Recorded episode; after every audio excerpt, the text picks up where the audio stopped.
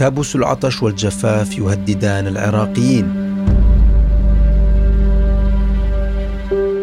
أعلن مسؤول حكومي عراقي في إبريل الماضي أن مخزون المياه في العراق انخفض إلى النصف مقارنة بعام 2021 جراء قلة الأمطار وانخفاض واردات الأنهار من دول الجوار حيث يعاني البلاد من تطورات تغير المناخ والتصحر. إضافة إلى تراجع الواردات المائية نتيجة لبناء السدود من قبل جيران العراق ما يقلل من تدفق المياه إلى العراق ويهدد العراقيين بسنوات من الجفاف والعطش الذي قد يفتح الباب أمام صراعات وأزمات مستقبلية في بلد يصارع لأجل الانتقال إلى مرحلة الاستقرار والإعمار بعد سنوات من الفوضى والصراعات والأزمات الأمنية والسياسية والاقتصادية. مرحبا بكم في حلقة جديدة من بودكاست في عشرين دقيقة نتحدث فيها عن مخاطر الجفاف وأسباب انخفاض المياه والتداعيات والنتائج السلبية لهذه المشكلة البيئية على العراقيين في ظل غياب رؤية حكومية واضحة لمواجهة هذا التحدي الذي يشكل خطرا على مستقبل العراقيين. يشعر العراقيون يوميا بحالة الجفاف وتراجع المياه في العراق نتيجة لانخفاض منسوب المياه في العديد من الأنهار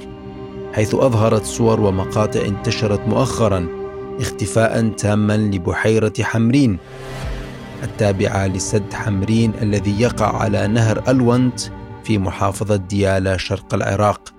بينما أظهرت مقاطع أخرى انخفاضا كبيرا في مياه نهر دجلة ما أثار مخاوف العراقيين في ظل تراجع نسبة المياه وزيادة الجفاف والتصحر الذي يشكل تحديا جديدا وحقيقيا للأجيال القادمة.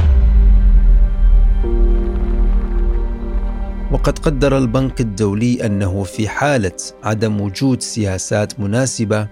قد يشهد العراق انخفاضا بنسبة 20% في موارد المياه العذبة المتاحة بحلول عام 2050 وقال البنك الدولي أنه في بلد دمرته الحروب المتكررة للبنى التحتية حيث تتباطأ إعادة الإعمار بعد الهجمات ضد تنظيم داعش سيكون من الضروري تخصيص 180 مليار دولار على مدى 20 عاما لبناء بنية تحتية جديدة والسدود وتطوير مشاريع الري. بينما في عام 2018 مثلت ميزانية وزارة الموارد المائية أقل من 0.2% من إجمالي الميزانية بقيمة 15 مليون دولار فقط. بحسب البنك الدولي. ويرى العراقيون أن انشغال الأحزاب السياسية في العراق بالصراعات والمشاكل خلال الأعوام الماضية وتركيزهم على الأرباح الآنية كانت سببا مباشرا في حصول أزمة المياه وخاصة في ظل غياب مشاريع استراتيجية لمواجهة التحديات المستقبلية وغياب أي رؤية واضحة للحكومات المتعاقبة لمواجهة هذه التطورات إضافة إلى دور السياسات المائية لدول الجوار وخاصة إيران في المساهمة بصورة مباشرة في تعطيش العراق دون مراعاة القواعد الدولية أو القوانين بين الدولتين. حيث أعلن مدير عام المركز الوطني لإدارة الموارد المائية في وزارة الموارد المائية العراقية أنه خلال السنتين الماضيتين لاحظنا تغيرا ملحوظا بإيرادات نهر ديالى بالإضافة إلى التغير المناخي في المنطقة خلال السنوات الثلاثة الماضية وشحة في الإيرادات المائية حيث بدأت إيران بإنشاء السدود ما أثرت على الإيرادات المائية إلى العراق وقامت بإنشاء نفق يحول المياه من حوض ديالى إلى حوض الكرخة. ما أثر كثيرا على هذه الإيرادات المائية. وبخصوص هذا الأمر صرح وزير الموارد المائية العراقي مهدي رشيد الحمداني أن العراق أبلغ إيران خلال زيارة وفد رسمي إلى طهران بأن المشكلة ليست في اتفاقية 1975 بل في تحويل إيران لمجرى الأنهار المتجهة نحو العراق. وأكد الوزير أن إيران لا تقبل بتقاسم الضرر مع العراق وأنها قامت بتغيير مجاري الأنهار وتعمل على حرمان العراق من المياه داعيا طهران إلى الجلوس للتفاهم على اعتبار أن الروافد المشتركة أسست على ضوئها مجتمعات ومن غير المنطقي حرمان المجتمعات من المياه ولفت الوزير أيضا إلى أن الوزارة وبالتعاون مع الخارجية العراقية تعمل على تدوير قضية المياه مع إيران. ونتيجة لذلك أعلنت وزارة الموارد المائية العراقي عن تشكيل ملف لرفع دعوى قضائية ضد إيران في الأوساط الدولية بسبب خلافات المياه. وأكد كبير مستشاري الوزارة أنه عقب است... عدم استجابة إيران لحل المسائل الفنية المتعلقة بالنزاع المائي أكملت الوزارة ملفها ورفعته إلى أمانة مجلس الوزراء لمتابعته في المحافل الدولية حيث حولت إيران مجرى ستة أنهار لمنع أي مياه من دخول العراق وبخصوص هذا الملف نسأل البروفيسور نظير الأنصاري استشاري الموارد المائية حول أسباب ودوافع إيران من قطع المياه عن العراق. بالنسبة لمبررات إيران لقطع المياه عن العراق، إيران تدعي أنها تعاني من شحة في المياه، فهذا هو السبب الرئيسي اللي تدعيه إيران. وانطلاقا من ذلك ما هي الآثار والنتائج لسياسات إيران المائية على بيئة العراق على المدى المستقبلي بالنسبة إلى تأثير قطع المياه من قبل إيران على العراق فهذا راح تكون له آثار بيئية كبيرة جدا. إضافة إلى هذا راح يأثر على آه، الزراعة والثروة الحيوانية والاقتصاد بصورة عامة. إضافة إلى صحة المواطن. هناك العديد من التقارير والدراسات حول هذا الموضوع. وإذا استمر الوضع كما هو عليه فالعراق سيعاني بشكل كبير من النواحي الصحية والبيئية والاقتصادية أيضا. وأخيرا هل يمتلك العراق أي أوراق أو وسائل لمواجهة هذه السياسات الإيرانية ولإنهاء هذه المخاطر التي قد تتشكل على العراق مستقبلا؟ إجراءات الحكومة العراقية يفترض أن الحكومة العراقية تستخدم ورقة الاقتصاد حيث أن اقتصاد إيران يعتمد بصورة رئيسية على العراق حيث أن العراق يستورد مليارات الدولارات من البضائع إضافة إلى أن هناك العديد من الشركات الإيرانية العاملة في العراق. إضافة إلى ذلك فإن أمن إيران مهم جدا بالنسبة لها لأنه هي تشترك مع العراق بحدود تمتد مئات الكيلومترات. المتحدث باسم وزارة الموارد المائية عون ذياب يقول أن إيران تسيطر على نحو 20% من نهر دجلة. وتأثيرها نسبي لكن التأثير الأكبر يقع على المناطق المحاذية للروافد من الجانب الإيراني. وهناك مخالفة صريحة للأعراف الدولية من قبل إيران بعد تحويلها مجاري الأنهار وقطعها بالكامل. وتم عرض هذه المخالفة على الجانب الدبلوماسي المتمثل في وزارة الخارجية وأيضا مجلس الوزراء لمحاولة تدويل الموضوع والضغط باتجاه إعطاء العراق الحصة الكافية خصوصا أن البلاد مقبلة على صيف حار جدا ولكن الخبراء يرون أن الجانب الإيراني قد لا يخضع ويستمع إلى هذه المطالب العراقية وأن الوسيلة الأفضل للضغط على الجانب الإيراني هو الورقة الاقتصادية الذي يعتمد الإيرانيون عليها في تجاوز العقوبات الأمريكية ويعتبرون العراق هو الرئة الذي يتنفسون من خلاله لتجاوز هذه العقوبات والمشاكل الاقتصادية التي تمر ببلادهم وبالتالي يستطيع العراق أن يستخدم هذه الورقة لدفع الجانب الإيراني لإعادة الحقوق المائية العراقية وإنهاء وضع العراقيل أمام التدفقات المائية للعراق. ومن المؤسف أن العراق من أكثر البلدان عرضة للتغير المناخ والتصحر في ظل غياب المشاريع الحكومية لمواجهة هذه الظاهرة وخصوصا جراء تزايد حالات الجفاف مع ارتفاع درجات الحرارة التي تصل لأيام عدة في فصل الصيف لأكثر من 50 درجة مئوية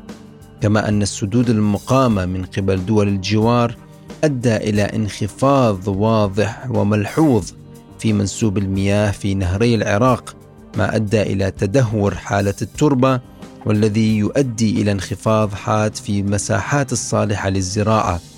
وبحسب وزارة الزراعة العراقية فإن خطة الزراعة هذه السنة خفضت إلى 50% بواقع 2.5 مليون دونم. بعدما كانت 5 ملايين دونم سابقا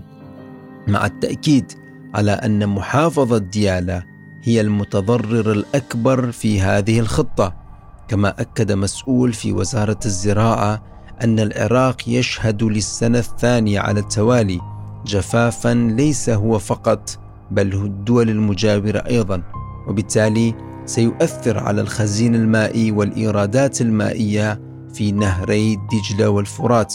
والتي لها أثر واضح على القطاع الزراعي بصورة كبيرة في البلاد. وفي مارس آذار الماضي حذرت الأمم المتحدة من أن منسوب نهري دجلة والفرات في العراق ينخفض بنسبة تبلغ 73% ودعت إلى مشاركة العراق في مناقشات هادفة مع دول الجوار حول تقاسم المياه. وأوضح المدير الإقليمي لبرنامج الأمم المتحدة للبيئة سامي ديماس في مؤتمر صحفي عقده في بغداد أن العراق يشهد مظاهر لقلة الأمطار وتأثيرها في مناسيب نهري دجلة والفرات بنسب وصلت إلى 73% وارتفاع درجات الحرارة إلى معدلات أسرع بسبعة مرات من الارتفاع العالمي. وكذلك عدم التوازن السكاني بنسبة 70% في المناطق الحضرية على نحو أدى إلى تراجع الزراعة كما دعت الممثلة الأممية الخاصة في العراق بلاسخارت إلى المشاركة العراق في مناقشات هادفة مع دول الجوار حول تقاسم المياه مؤكدة أن أسرة الأمم المتحدة في العراق تعمل بالشراكة مع البلاد على إدارة الموارد المائية والتقليل من آثارها السلبية على البيئة. ومع هذه المخاطر يستمر الإهمال وسوء التقدير حيث يؤكد تقرير لوكالة فرانس بريس أن هدر المياه مستمر في العراق بشكل قل نظيره بسبب تقادم البنية التحتية المائية وضعف صيانتها لأسباب عديدة أبرزها عدم أخذ خطر ذلك على محمل الجد والفساد المستشري في المؤسسات الحكومية إضافة إلى الإرهاب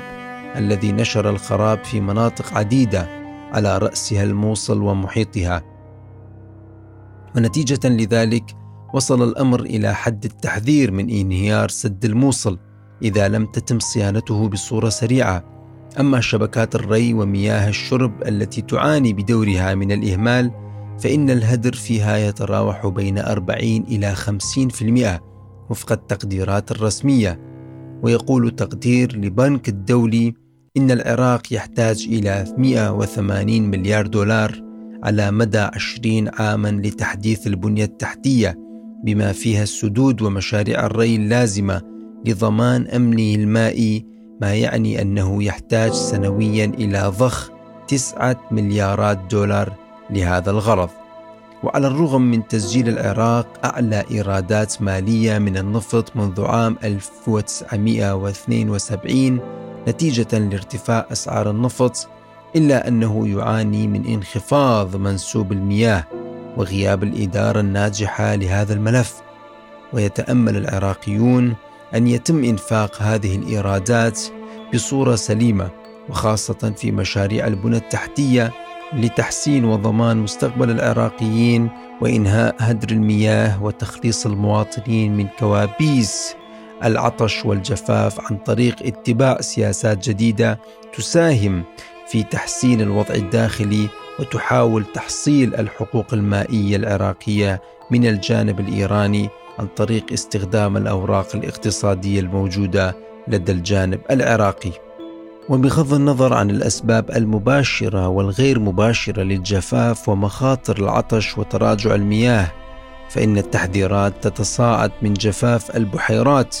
والمسطحات المائية بعد جفاف بحيرة ساوى والملقبة بلؤلؤه الصحراء في محافظة المثنى بشكل تام.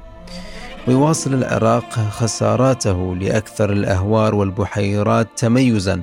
بسبب الجفاف الذي ضرب البلاد خلال العامين الماضيين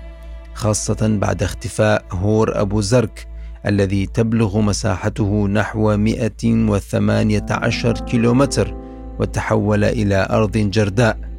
ويهتد هذا الهور من قضاء الإصلاح شمالا وصولا إلى مدينة الفهود جنوبا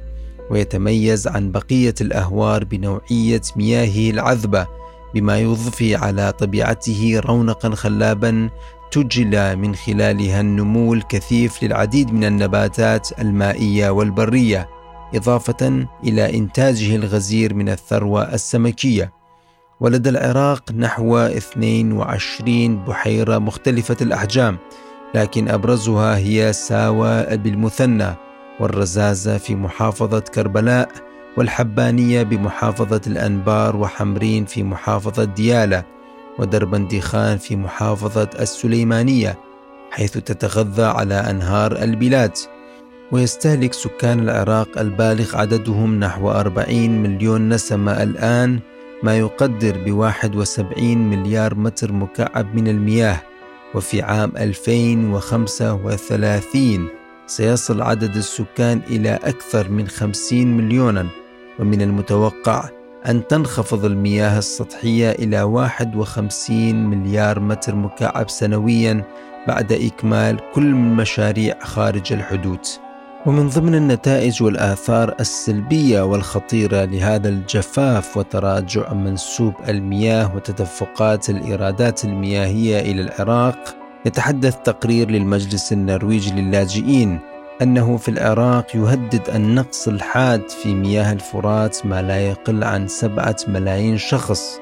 ويضع الكثير من المساحات الشاسعة من الأراضي الزراعية أمام خطر الجفاف التام وقد جفت المياه المغذية لمساحات شاسعة من الأراضي الزراعية ومصائد الأسماك ومنشآت توليد الطاقة ومصادر مياه الشرب. وتنفق أعداد كبيرة من العائلات في محافظة الأنبار على سبيل المثال التي تعتمد على تدفق مياه الفرات نحو 80 دولارا شهريا لشراء المياه الصالحة للشرب من شأن انخفاض تدفق المياه من الفرات تدمير الأهوار جنوب العراق تماما والتي تعد من أهم البيئات الحيوية التي أدخلتها منظمة اليونسكو للعلوم والتربية والثقافة ضمن المناطق الأثرية العالمية بغية حمايتها من الاندثار. كما لا تقتصر ندرة المياه على الفرات فقط فمن المتوقع أن ينخفض إنتاج القمح 17%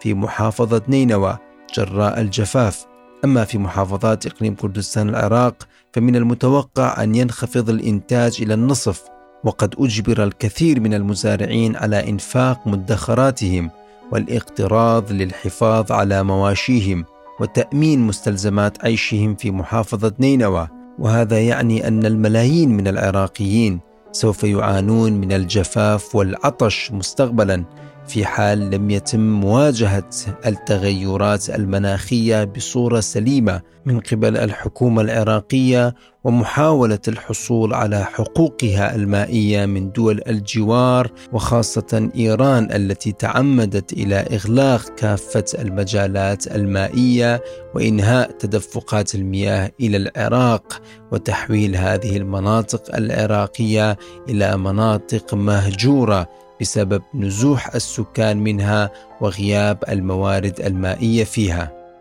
إلى هنا ننتهي من حلقة هذا الأسبوع من بودكاست في عشرين دقيقة تحدثنا فيها عن مخاطر العطش والجفاف الذي تهدد حياة العراقيين في ظل سياسات مائية إيرانية تقوم بقطع شريان المياه على العراقيين. شكرا لكم لحسن الاستماع وإلى اللقاء في الحلقات القادمة.